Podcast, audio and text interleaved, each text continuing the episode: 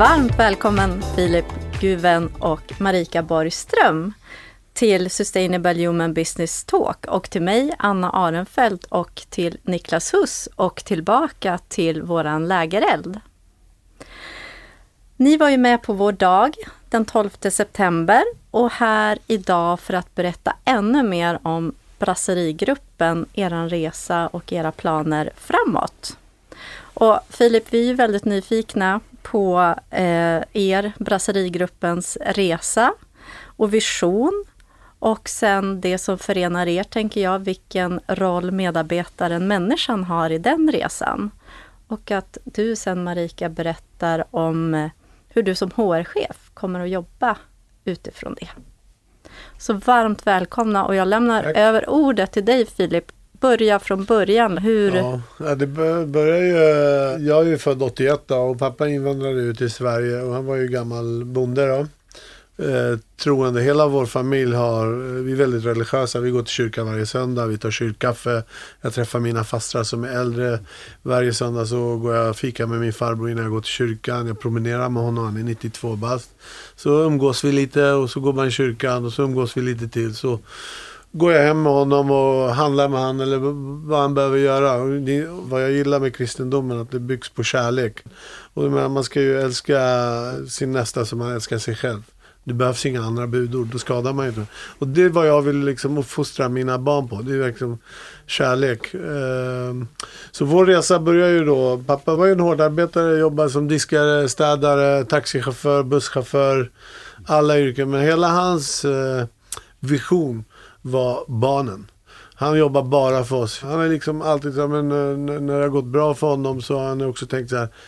Spara pengarna till våra bröllop gett oss liksom ett bidrag till att köpa vårt första hus. Så att han har alltid, även nu sist liksom, när jag kollade på hans konto hade han två miljoner. Jag sa, men pappa varför köper du inte ett hus utomlands? Eller lever, åker utomlands. Jag, Nej, min son. Jag har dem ifall du behöver dem. Så hela deras, hela deras liv handlar bara om oss. Mm. Alltså de liksom missunnar sig men lägger all energi på oss. Så hans första verksamhet var att sälja julgranar under december. Sen började han med ett fruktstånd. Eh, då var det maj till september. Och sen var det liksom att han, han var ju också en visionär och en, en galen själ. Så det slutade med att de öppnade en, eh, köpte en kiosk i Jakobsberg. Eh, och så byggde de om, det var ju kiosk, videouthyrning och pizzeria. Eh, och det var där min resa började faktiskt, i den kiosken. Eh, pappa jobbar ju varje dag och enda sättet för att umgås med honom det var att vi åkte med honom till mm den här pizzerian. Och du var alltid så här, vi skulle hälla upp lättöl. Så började jag och brorsan alltid bråka. Pappa, min bror, lillebror Daniel Guven som är min kompanjon. Eh, var ju blond, blåa ögon. Eh, vi var små så kallade vi han för Blondie. Då vart han skitsur. Eh, så att, men då bråkade vi alltid om vem som ska hälla lättöl. Jag var två år äldre och allt. Och det var alltid Daniel som fick hälla lättöl. Och jag var ledsen, sprang ner i köket. Och så fick jag intresse för pizza. Mm såg jag där en pizzabagare göra deg och så började jag hänga med honom på helgerna och lära mig pizza. Och så vips så började jag liksom intressera mig enormt mycket om pizza. Hur gör man deg som liksom 10-11-åring? Jag gjorde olika tester. Började baka pizza på helgerna. Sen pluggade jag tills jag var 14. Liksom, när läraren frågade i sjuan, vad vill ni bli? Så sa jag till dem att jag vill bli eh, restauratör. Jag hade ADHD, gillade inte att läsa då. Så att jag liksom eh, läste men tankarna flög någon annanstans. Så då gick jag in till pappa i rummet då när han kom. Han var väldigt trött. Så han, men imorgon ska jag börja jobba med dig. Och det var där egentligen min resa började. Då sa han, nej du ska eh, liksom eh, bli advokat. Du ska plugga, du ska inte jobba. Så fick man liksom en, en, en liten smäll. Och så var det liksom, då sa jag till honom, men det spelar ingen roll vad du säger, jag kommer imorgon. Då gick jag och la mig. Jag gick upp två timmar innan han gick upp. Jag gick klockan fyra på morgonen och ställde mig vid bilen. Och så gick han upp. Han visste inte att jag var där. Så han, men vad gör du här? Du ska till skolan. Jag sa nej, jag ska börja jobba med det. Jag skiter i skolan för att jag, jag får ingenting utav det. Och, och där började ju min resa. Och då var det två hårda år i disken. För han ville att jag skulle tillbaks. Eh, men eh, ju mer han gjorde det jobbigt för mig desto mer driven var jag. För liksom, när det gäller att jobba, allt sitter i huvudet. Allting från att gymma eller springa snabbt eller vad man vill. Men jag var ju ett stort fan av Jamie Oliver också. Jag hade alla hans kokböcker, alla hans filmer då var VHS-filmer eh, då. Jag hade allt och älskade hans karaktär och matlagning och allt. Läste här och liksom Och eh, lärde mig väldigt mycket av honom. Och sen var det ju också liksom eh, mer att kockar man anställde i, i köket som jobbade åt min pappa fick man lära sig av. Och jag fick aldrig liksom gå in och göra eh, ett recept eller någonting. Så det var bara typ så här, men jag ändrade recepten och så fick de smaka. Men jag gjorde det tidigare. Innan de gick och bytte om så var jag redan ombytt och gjorde grejer. Och så fick de smaka eh, grejer som de skulle preppa som var klara. Och då vart han skitsur och sen smakade Vad fan det här var jättegott. Och, sen, och på den ledden började jag liksom ta mark. Jag fick aldrig ta mark utan jag tog mark. Alltså det var också när jag ville hjälpa pappa att betala räkningar. Mm. Och då var det liksom en postgiro. Och då sa nej du ska inte göra det här. Och det, liksom, det här är liksom, all, liksom man ska ha noggrannhet. Och.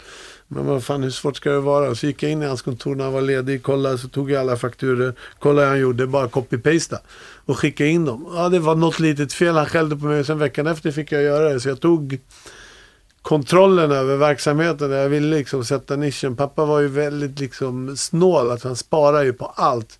Allt från spikar och allting. Medan jag tänkte att vi ska jobba med nytt, fräscht. Beställ inte för mycket partier. Vi jobbar. Så vi vände hans ställe. Han hade ju väl en jag tror 300 luncher, men vi kom upp som mest till eh, 1500 lunch. Mm. När jag började liksom ta kontroll och Danne började komma in och jobba. Så där började ju vår resa, men vi ägde inte det. Sen har vi liksom också under tiden köpte vi en nattklubb i Märsta centrum då. Och det var min sämsta affär någonsin. Jag var typ 16 år och hade en nattklubb. Mm. Och skulle driva den. Jag fick inte gå på den själv ens. Eh, ja, vi jobbade. Jag fick inte gå på den. Så vi jobbade och det var liksom eh, oerhört mycket jobb. Men oerhört mycket kunskap fick vi där. Mm. Vad man ska göra och inte göra. Så vi förlorade på två år tror jag 6 miljoner. Så skulle man jobba och betala av det. Mm. Så det var ganska jobbigt. Eh, pappa supportade ju då med hans företag och betalade av det. Och sen tog vi nya tag. Vi var väldigt mycket i snabbmatsbranschen då. Jobbade så här med lunch. Vi jobbade med pizza. Eh, och då hade vi köpt en pizzeria som heter Jalla Jalla som vi i Uppsala. Då hade man ju valborg i Uppsala. Jag vet inte om ni har upplevt alltså det. är galet. Och då sålde man oh, oerhört. Så från, vi jobbade typ 24 timmar och så kollar man kassan och tänker, fan alltså, det blir ju mycket pengar men inte så mycket som man jobbar med à la carte-branschen.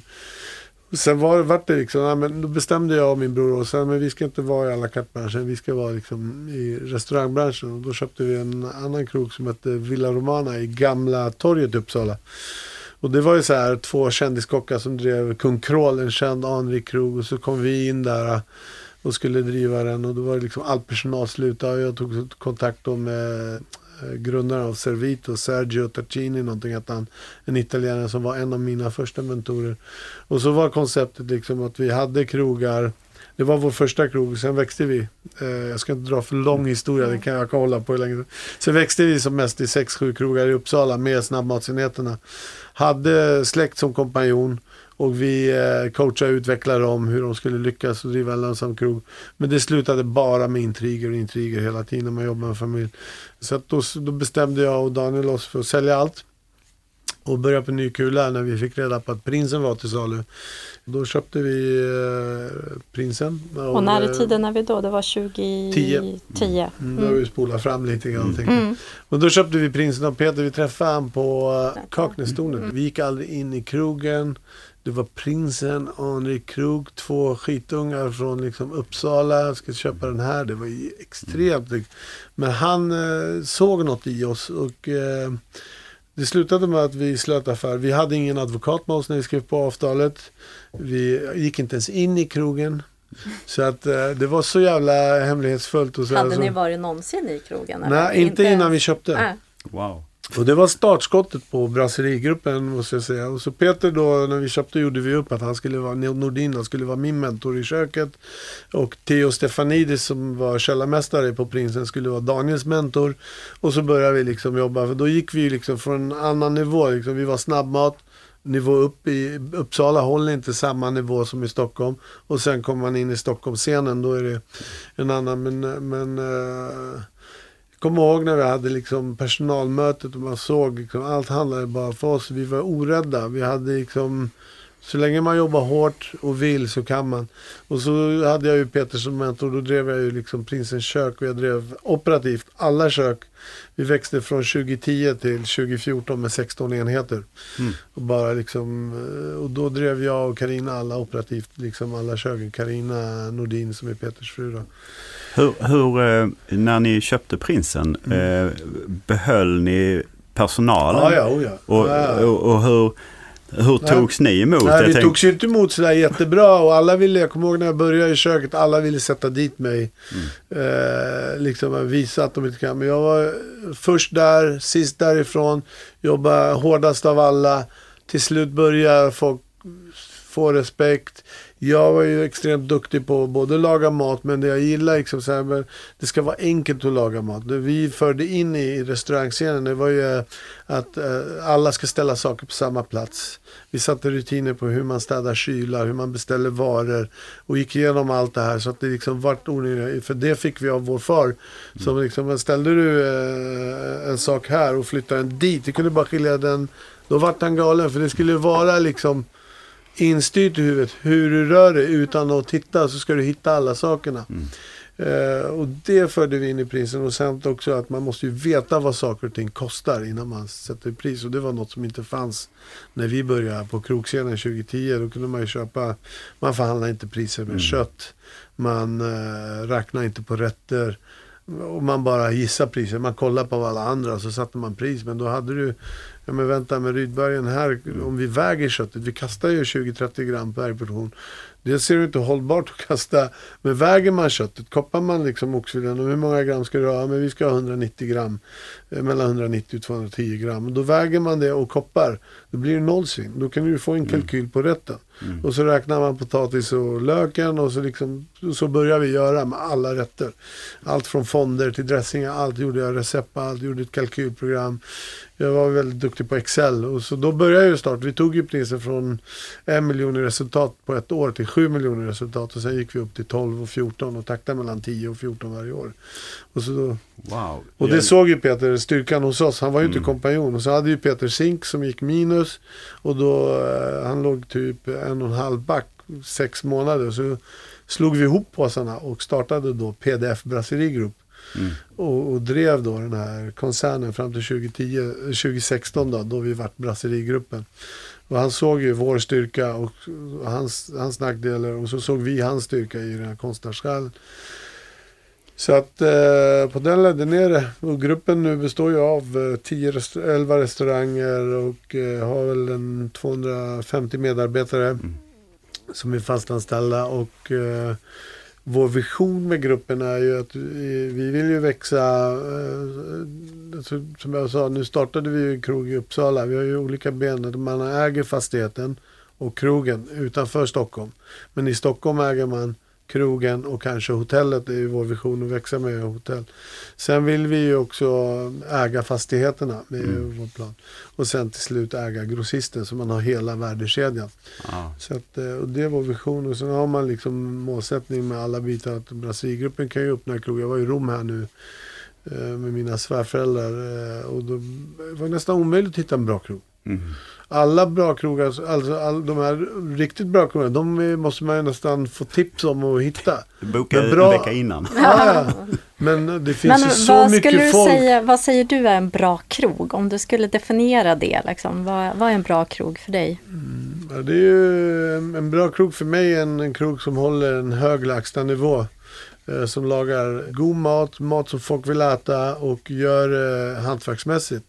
Konkurrensen nu, alltså att laga god mat kommer du snart få överallt. Eh, det det handlar om det är liksom miljön, lukt, känsla. Alltså det är att skapa en film liksom. Man ska ju komma in i en värld som man trivs i. Så allt från servicen, slaget är i matsalen brukar vi alltid säga.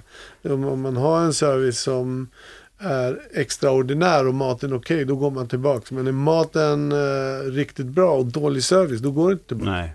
Så det är det här personliga mötet och det är därför bolagen som vi bygger, där är tillgången människorna. Inte konceptet och, och det är också viktigt. Men alltså, om du inte har människor bakom spakarna Ja. så kan du inte bygga bolag. Det här, Och det här Filip, jag måste bara gå tillbaka till någonting du sa från början Mm. när- i din berättelse. Du pratade om eh, församlingen, att ni fortfarande går varje söndag Ja. till församlingen och ni träffas. Och jag tänker på Sverige där vi har hamnat. Vi är det mest sekulära och individualistiska samhället i världen. Mm. Det är väldigt få som går och samlas Ja. i en församling. Ja. Och jag tänker en sak som är viktig i det, det är att vi möter varandra. Vi har en kärlek och, och det är någonting som vi har ett gemensamt ansvar Ja, kring. visst. Och vi förenas i det. Hur tar du med dig den känslan? För du pratar också om din pappa och familjen och hur man börjar.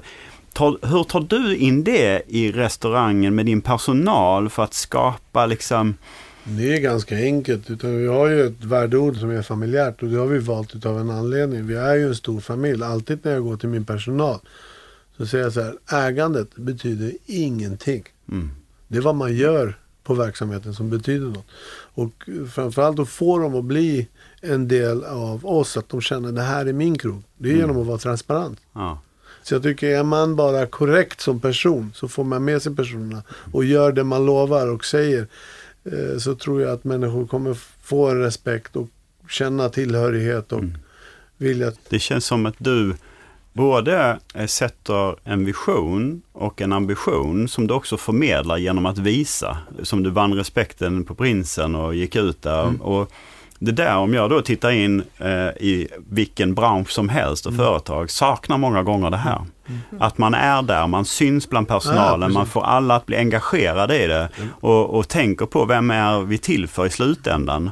Och det, det som jag tycker också är härligt med just restaurangen, därför det är någonting som vi alla på ett eller annat sätt kommer i, i kontakt med. Vi måste äta varje dag. Vi äter Ja, varje dag. Och vi förenas. Vi måste. Matbordet samlar oss. exakt. Alltså tillbaka till trossamfund. Något som vi har tappat bort lite. Och att skapa en upplevelse är ju inte bara det jag stoppar i mig utan hur jag blir bemött och hur, hur jag känner att miljön är välkomnande. Och när man har ett sånt ledarskap som jag hör att du har, där du verkligen bryr dig om andra, ser dem, är närvarande, det smittar ju av sig. Och det är ju fantastiskt tycker jag. Jättekul att höra. Alltså, vi har ju tre mätverktyg. Ett är människan, liksom personerna som jobbar hos oss. Hur mår de egentligen? Det andra är ju att man har en bra kvalitet och där har man liksom recensioner och sånt. Och sen har man ju lönsamhet för det är viktigt. Det är ju bränslet för liksom åka den här karusellen. Men med tiden så har man ju förstått någonstans kan man behålla, hålla stabilitet, se dem, höra dem och, och successivt jobba med att ta hand om dem, investera tillbaka i dem. I den, liksom, de ger ju oss väldigt mycket. Men ta Prinsen som har genererat 10-12 miljoner varje år. Om vi ger tillbaks till dem och de ser att vi gör det. Alltså, vi har varje år så delar vi ut julklappar. Eh, Vi har eh, krogarna har en egen personalfest. Sen gör vi två event med personalen. Men man kan göra så mycket, mycket mer eh, för att bygga den här sammanhållningen, tilliten också.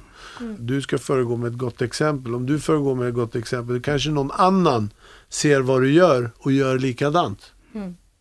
För att man måste liksom ge tillbaks. Eh, sen hur man gör det, och det är också något som jag vill också jobba med, det här sociala ansvaret. Är En historia var, eh, jag kan vara lång, jag ska ge ordet till det. Men jag träffade, jag, ska, jag hade bokat krog i Dubai. Vi skulle äta på Nusret första gången. Alla skröt om att Nusret är så bra allting. Jag hade bokat bord åtta. Och jag går ju ledigt klädd med foppatofflor och så här. Jag liksom... Jag är på semester liksom. Jag har inte på mig liksom... liksom jag är en väldigt enkel människa. Och då såg han mig där, hovmästaren, och jag hade bord åtta. Och då såg jag ner på mig, men den här killen han kan få vänta. och jag var ju jätteupprörd. Vad fan, jag har ju fem tjejer och jag och min fru vart lite grinig. Varför hade du inte bokat bord åtta? Och vart det direkt liksom. Jo, jag har bokat bord. Men vad fan, de släpper inte in oss. Ska jag bråka med hovmästaren? Vad är det du vill att jag ska göra? Men vi får stöta på honom varje kvart. Men då stod jag och pratade med en person, det var på Four Seasons, som öppnade dörrar och parkerade bilar och liksom släppte in folk. Öppnade dörren bara och så frågade han liksom, men vad tjänar du i lön? Så här, jag jobbar sju dagar i veckan och får ut 2000 dirham. Alltså det är typ 10 000 spänn. Jag sa, men fan det finns ju mycket pengar som helst där. Varför betalar de inte er en rättvis lön? Det är ju så jävla fel. Kolla alla de här som kommer in här. Alltså bara deras skor kostar ju lika mycket som mitt hus. Alltså det är så här, varför kan de inte betala eh, eh rättvisa löner? Och då slutade det med att jag, jag, han, sa, vad fan, men vad gjorde jag? Jag bara, flytta till Skandinavien. Där är det mera bättre villkor. Fan är du här, sa jag till honom. Hur ska jag göra så? Ja, men ta mitt nummer så ringer du. Och så tänkte jag, ah, han kommer säkert inte ringa. Men jag gav honom numret och så ringde han här nu för ett halvår sedan. Och nu ska jag hjälpa hans son att komma in till Sverige. Och det är liksom en process med Migrationsverket där han kan få en anställning med rätt villkor. Och de är superglada. Alltså jag har WhatsApp-kontakt med dem och de skickar bilder. Alltså det är sån oerhörd skillnad. Jag hör rättvisa och att se en annan människa i det och också ge, ge den människan en möjlighet. Ja. Det är fantastiskt. Ja, Och inspirerande. så kärlek som du sa kopplat till kristendomen. Alltså liksom Ja, ja. Den, den, du visar ju det i praktiken. Men Marika, Ja, nu jobbar ju du med Filip och Ja. brasserigruppen sedan eh, några, ett halvår kanske tillbaka. ja nästan. drygt precis. Exakt. Så jag är eh, också lite tagen av din historia. Vi har ju jobbat så mycket, vi har ju så mycket att göra på Ja, dagarna vi är så, jag, så vi har inte hunnit eh, få höra hela bakgrunden. Mm. Eh, Ja, nej men gud, jag tänker massor med saker, men jag tänker att om vi tar liksom ett HR, HR-uppdraget, Human Resources, som ordet säger, så handlar det ju liksom om att förvalta människornas möjligheter och kraft i en organisation. Och det är ju faktiskt enklare sagt än gjort, för jag upplever också i och med att jag leder ett antal eh, HR-chefer inom stora bolag där man verkligen jobbar mycket med utbildning och kompetensutveckling och det finns mm, stora planer och strategier. Allt är uttalat och klart på ledningsnivå. Men sen så ska det här trattas ner i organisationen och det kommer ner till liksom kanske mellanchefen som i sin tur då ska få de anställda att liksom utföra jobbet. Så att jag ser ju mitt uppdrag blir ju att kanalisera de målsättningar som organisationen har. Hur ska vi få människorna att eh, kunna leverera? Och då kan jag tänka mig att restaurangbranschen, det här är ju upplevelsebranschen, det är servicebranschen, precis som du är inne på Filip. Här är det människan i var, precis just nu kommer det bokningar varenda dag, varenda sekund. Så är ju leveransen när gästen kliver in på krogen eller förvisso ringer och bokar bordet, är ju en kedja av logistik av händelser. 24 timmar om dygnet, hela tiden. Och, och bygger på en människa som hela tiden bakom gör ett val, eh, tar ett beslut och så blir det konsekvens och så ska det här jackas i varandra. Med köket, matsalen, hur man lirar, hovmästare, kökschef och så vidare. Och jag tror ju och tycks mig kunna se att eh, det är en hård bransch och jag har inte belägg för det vad forskning och så säger huruvida personalen inom restaurang och servicebranschen mår sämre än på andra företag. Jag tror att psykisk ohälsa och utmaningar som man har hos människor kanske ser i slutändan ganska lika ut. Om vi nu tar liksom att man har eh, problem med alkohol eller du har en dålig relation, men allt som påverkar oss i livet. Så allting hänger ju ihop. Alltså, det du på där, det man har gjort mätningar i Sverige att det, psykiska ohälsan kostar ungefär 200 miljarder årligen. Eh, och det här kommer öka med ungefär 200 procent fram till 2030. Och det är internationella mätningar man har tittat i Sverige också, men 50 procent av den kostnaden hamnar på arbetsgivaren. Exakt. Och det är inte när du är sjukskriven, för den kostnaden hamnar inte på arbetsgivaren, utan det handlar om när du jobbar. Kvalitetsbrister eller att du inte är inlyssnande och så vidare. Och jag tänker att i en bransch som restaurangbranschen som alltid handlar om människor, samarbete emellan i olika steg som du pratar om, men också att möta en annan människa. När jag inte har balans inombords i mig själv, i mitt liv, hur ska jag kunna finnas närvarande hos andra och se och lyssna och känna in och välkomna?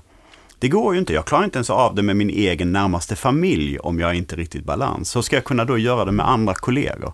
Så allting hänger ihop. Man kan inte blunda för att nu är jag bara på arbetsplatsen, nu är, nu är det hemma. För det kommer få en påverkan. Och det är väldigt få som tänker på det och agerar på det. Så det är jätteinspirerande att höra att ni jobbar med de här frågorna på det sättet. Ja. För det är ju i slutändan jag som, om jag ska komma till prinsen, då vill jag ju känna en fantastisk upplevelse. Exakt. För det skapar ju mening i mitt liv och det viktiga är ju mening som vi behöver, att hitta mening, det är genom upplevelser, men det är också genom handling.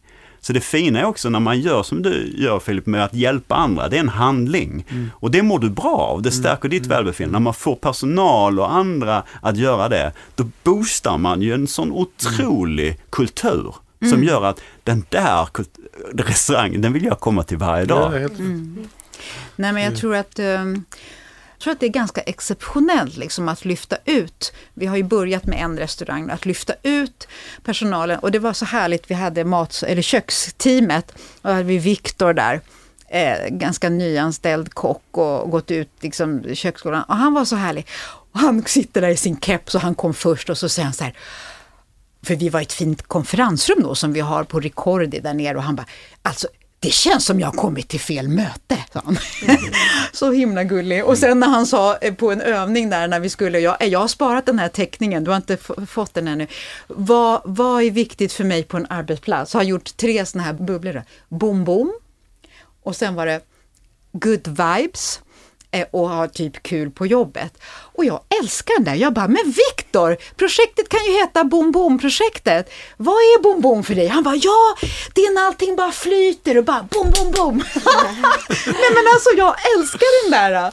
Så, nej men för, det är ju helt underbart. Mm. Men han hade ju inte knappt kunnat förvänta sig möjligheten att tillsammans med sina kollegor få sitta ner och ha reflektion tillsammans och mm. hinna liksom fundera över. Och sen så, yes, som du, vi har varit inne på, det görs inte över en natt, men vi kan börja visa på en förändring, vi kan börja visa på ett, ett sätt hur vi arbetar som jag verkligen tror på. Jag tänker vi ska vara branschrevolutionerande mm. Filip. Mm. Ja men det tror jag, ni två har ju de förutsättningarna. Jätteroligt att mm. ni är igång med det arbetet. Och sen måste jag säga också att eh, utmaningen är ju lite grann som vi stöter på också. Det är implementeringen. Det är ju också att få alla att förstå, vara med på tåget och också att vi mäter, att vi, har, eh, att vi lyfter fram liksom KPI och mätbarhet. Så att man kan påvisa hur de här siffrorna faktiskt i andra änden påverkar. Alltså medarbetarengagemang, absolut, och eh, den biten, men hur påverkar det sen försäljning och resultat och nöjd kund? Mm. För det är ju den cirkeln som liksom ska börja snurra, mm. eh, helt enkelt. Ja, jag måste bara säga, jag, jag har fått så stark sak till mig genom jag har blivit så berörd i berättelsen. Både från eh, Dubai och din berättelse där och din bakgrund och det ni gör. Och jag tänker utifrån samhället som det ser ut idag. Vi mm. har inte bara utmaningar i segregerade områden i storstäderna utan vi har ute i bruksorterna också. Mm. Vi ser eh, till exempel i områden som Skultuna, 30% av unga tjejer har ingen framtidstro. Mm. Vi har gapet mellan den äldre generationen och den yngre blir bara större och större vad gäller tilliten och tilltron. Hur får vi platser där man kan se hopp och hitta andra arbeten eller vad man kan göra? Kan vi hitta platsen, matbordet, det runda bordet där vi äter, där vi kan få jobb, där vi kan kanske köpa maten av bönderna runt om och mm. skapa lokala supply chains för att bygga starka området och gemenskapen samfundet eller församlingen i kraften hos dem vi bor. Och med den kraften och den ni har skapat, kan den komma ut utanför city, där man kanske har mer pengar och komma till restaurangerna. Kan vi skapa den på annat sätt ute i, i vårt samhälle? För jag tror att det behövs. Ja, på, som en motvikt. Det är bara en sån känsla men, jag fick. Men vi som grupp jobbar ju också med fastighetsutveckling i eh, ett annat ben. Men jag vill inte bara äga och förvalta. Och då var det liksom ett område som heter Vengon i Sigtuna. Och då eh, en krog där som har gått konkurs varje år. Och då byggde vi upp den och investerade allt i all, allt från bestick till kök till allting.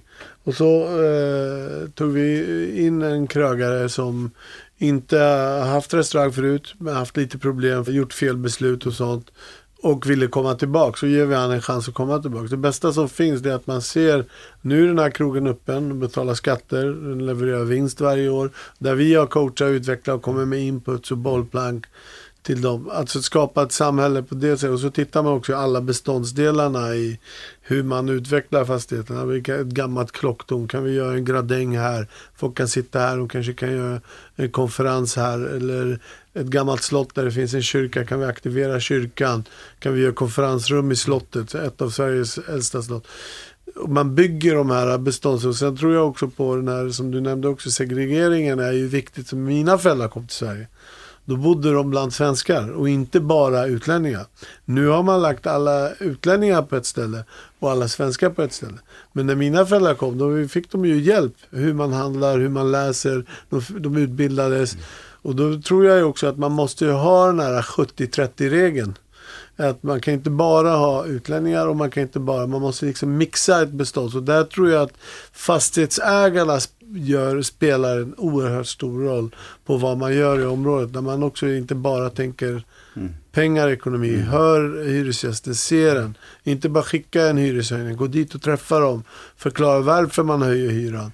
Bolla med dem hur de kan utöka sin verksamhet. Erbjuda dem nya ytor. Att man Alltså det är hållbart. Jag är jättefrustrerad. Jag är inne och rör mig ganska mycket i samhällsfrågor. Ja. Allt från liksom barn och unga i skolan. Mm. Eh, och jag är allergisk mot sättet som det styrs nu. Mm. Mm. Ja, med reaktiva eh, aktiviteter. Jag vill se förutsättningar för att hitta insatser där barn och ungdomar kan få ett framtidshopp. Mm. mm. Vuxna mm. förebilder som kan behövas. Att få det här, kanske det jobbet. Mm. Så jag börjar min resa. Jag blev så inspirerad med disk. Jag vet själv ju när jag var ung. Mm.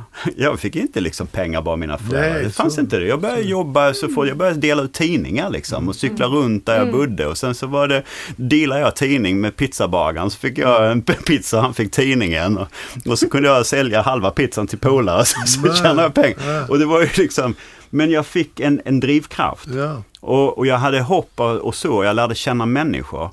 Och jag känner att det destruktiva som vi ser idag, hur vänder vi det? Mm. Och, och, det som våra ungdomar kanske mm. upplever i den här. Ja. Uh, Men jag, jag är ju uppväxt i Vallsta när jag var liten och när man tittar nu, när man går tillbaks dit. Men vart är vår fotbollsplan? Ja. Vart är barnen som spelar brännboll? Mm. Vi hade polis och tjuv. Ja, vi hade en eh, sandlåda, vi spelade kulor, alla tävlade. Mm. Alltså det finns inte längre. Allt, och det är det, alltså man får bort idrotten. Fritidsgården mm. är nedstängt. Ja, Vad fan håller ni på med kommunen? Alltså, Alltså man borde ju ta politikerna i örat. Ja. Mm. Alltså när ni går in här så ser ni det här stöket. Mm. Mm. Alltså det är oerhört viktigt när man eh, äger ett bestånd att man får dit alla beståndsdelar, får dem liksom att leva, hjälper dem att leva. Så kommer du få en samhällsfunktion som funkar. Mm. Eh, och det är där jag tror att det är många som... Men där är ju också varit en utveckling som på ett sätt är positiv med jämställdheten i Sverige. Men det har ju lett till att både mamma och pappa jobbar lika mycket. Mm. Så allt det här hem och skola mm. och sådana funktioner som fanns men, när vi var små, det finns ju jag, liksom inte längre. Jag lärde mig spela pingis av Jasse, spela backgammon av Jasse. Jag var ju oerhört, uh, störde mycket i lektionerna så jag hade ju en, en hjälp som tog mig till lektionerna. Han lärde mig spela backgammon. Mm. Vi spelade backgammon. Alltså jag har varit omhändertagen. Mm. Men det där omhändertagandet finns inte längre. Mm. Och då är det ganska lätt att man går fel. Mm. Att du tar till exempel om man vet att ett område har, eh, är påverkat av drogförsäljning och sånt. Varför har vi inte det i biblioteksdagen? Mm. mm. Jo, för att vi har väktare som jobbar undercover och, och mm. får bort stölder. Och får, mm. Men då får ju då fastighetsägarna gå upp istället för att göra 10 miljoner i vinst gör 9 miljoner i vinst i 4-5 mm. år. Sen kommer ni göra 15 miljoner i vinst. Precis. Mm. Men de tar inte det där, eller tar ett centrum där man, man fan, vi hade i Vallsta centrum så var det ett fik i mitten som de har stängt ner och gjort ett bibliotek. Med det fiket satt ju alla föräldrarna mm. och fika och hade stenkoll på alla ungdomarna. Mm. Det, alltså de gör sådana felbeslut. Fastighetsägarna gör väldigt mycket fel. Och kommunerna tycker jag är också oerhört eh, rädda för att ta rätt beslut. De är också eh, eh, rädda för förändring. De är väldigt bekväma. Mm. Kommunanställda vågar inte blomma ut. De är inga visionärer. Nej. Ja, de är de liksom, när man kommer med en plan. Det här vill jag göra med Vengåns slott eller Nej. jag vill göra det här. Det är bara motstånd, motstånd, motstånd. Problemet Då blir ju fastighetsägarna trötta till slut. Precis. Problemet är att strukturerna vi har designat och byggt vårt samhälle kring och våra organisationer hämmar kreativitet och engagemang. Mm. Det är mm. till och med så att du får inte vara engagerad. Nej. Så det, det, många anställda som kommer in i kommunen har ett brinnande mm. intresse och även på myndighet att vilja mm. göra skillnad. Mm. Men i systemet så boxas de för att det drivs av effektivisering och optimering. Så du blir mindre och mindre liksom kreativ och engagerad för det lönar sig inte. Du får istället skit för att vara där. Så det är väldigt få som orkar bryta det och jobba med mm. att förändra och driva. Och jag tänker bara så här, jag har en, en liten så här, en, en önskan att få de här miljöerna, livsmiljöerna, att de börjar blomstra och bli levande igen och ger hopp. Och det starkaste vi kan få, det är tillbaka till det jag pratade om, upplevelse. Eh, och det får vi genom musik och handling, Ja. gemenskap och så vidare. Tänk om vi kunde skapa en, en, en tanke jag har med containrar som är inredda som DJ-bås. Där kommer vi inte att säga den här musiken spelas, utan de som bor där får spela den musiken de vill. Ja, men. DJ-båset är inrett. Och sen har vi istället mat, eh, liksom, tillgängliga mat där de får laga den, sin Ja, mat. till Och, och skapa festen i livsmiljöerna. Ja, och och det det, finns kan ju- vara i bruksorter och i, i, i, i segregerade områden, men det är samma behov. Ja, men För vi måste exempel förenas. Söndagarna vi tar kyrkkaffet så lagar de, kokar de korv ibland, de gör pastasallad ibland, de gör paj. Och då ser man folk som är oerhört drabbade, gamla alkoholiserade, Mm. som kommer in och får det där fikat, blir sedd, blir hörd. Man, man liksom känner ändå att man blir där, men hej, hur mår Mm. du? Att någon som ser och hör dem.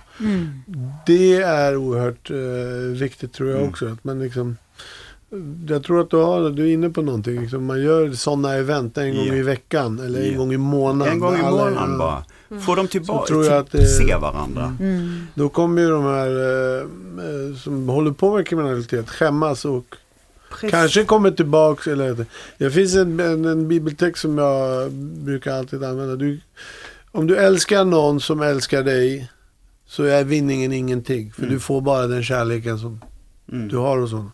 Men om du kan få en fiende att älska dig Mm. så är vinsten mycket, mycket högre.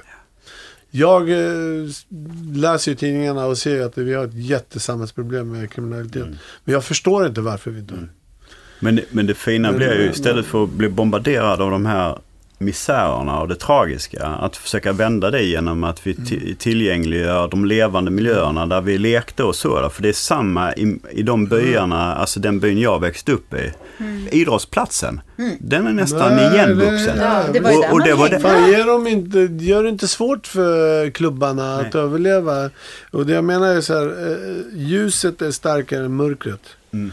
Med mycket kärlek och eh, ljus och engagemang från fastighetsägare, skola, politiker där man måste samarbeta. Alltså det, det är en kraft. Mm. Så Det, alltså det goda är mer än det onda. Alltså det är en liten klick ont som vi har. Ja. Tar man till exempel, man är, eh, vi har 300 pers i vår släkt. Vi har typ 2-3 pers som är eh, rötägg. Men vi eh, ska ju få de här Mm. att att bli bra. Så jag tror det goda i samhället är mycket mer än vad det vi hör. Verkligen. Men det onda hörs ju mycket mer. Precis. Det är mer intressant. Men kan man då få den här, som du sa, i ett samhälle. Få eh, alla människor att samarbeta och skapa tryggheten. Mm. Så tror jag det kommer lösa Ja. sig ganska enkelt. Och, och det är ju det här fina när vi, när vi istället fokuserar på att vi människor i grunden är goda. Det är det vi är, men systemet och, och vad vi har varit i har, har gjort oss vilsna ibland. Och, och om vi istället möts som människor och det är fest, det är glädje till exempel. Och, och de som kanske av olika anledningar har hamnat i att sälja knark av, eh, och så vidare och kommit in i gänget för att söka kanske trygghet och tillit eller kunna försörja sig eller sin familj. What- Whatever. Eh, helt plötsligt bara ser festen och människor och där är en vuxen som ser en individ som en människa och helt plötsligt så skapas en relation. Det där tunna bandet, det kan skapa ringar på vattnet därför helt plötsligt så träffar han dig och du har restaurang och, och där finns ett jobb. Exakt. Du kan tjäna pengar. Jag Och, läste- och jag tar, alltså det, vi måste hitta tillbaka där vi möts. Möts. Därför nu är, går vi in och stänger våra dörrar. Vi, vi umgås inte längre. Nej. Men Ja, också, där var det ett helt fantastiskt och mycket längre samtal än vad vi hade planerat. Och jag tänker att eh, alltså det är bara början på samtalet. Absolut. det här blir ett fortsatt samtal för jag vet ju att Niklas också brinner väldigt mycket för det här med fastighetsutveckling Ja. och sådana saker. Så jag tänker att det här kan leda till så mycket mer. Men Niklas och mina vägnar, vägnar så stort tack, Tack för att vi Filip och. Marika Mm, tack så för att vi fick mycket. komma hit. Tack själva.